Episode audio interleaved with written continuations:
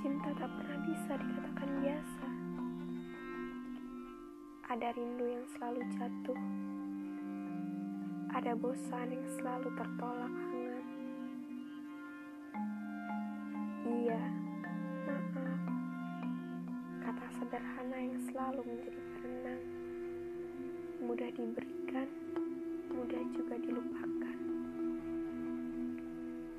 Berikut semua penjelasan tanpa henti tentang berhenti menyakiti hingga setia sampai mati.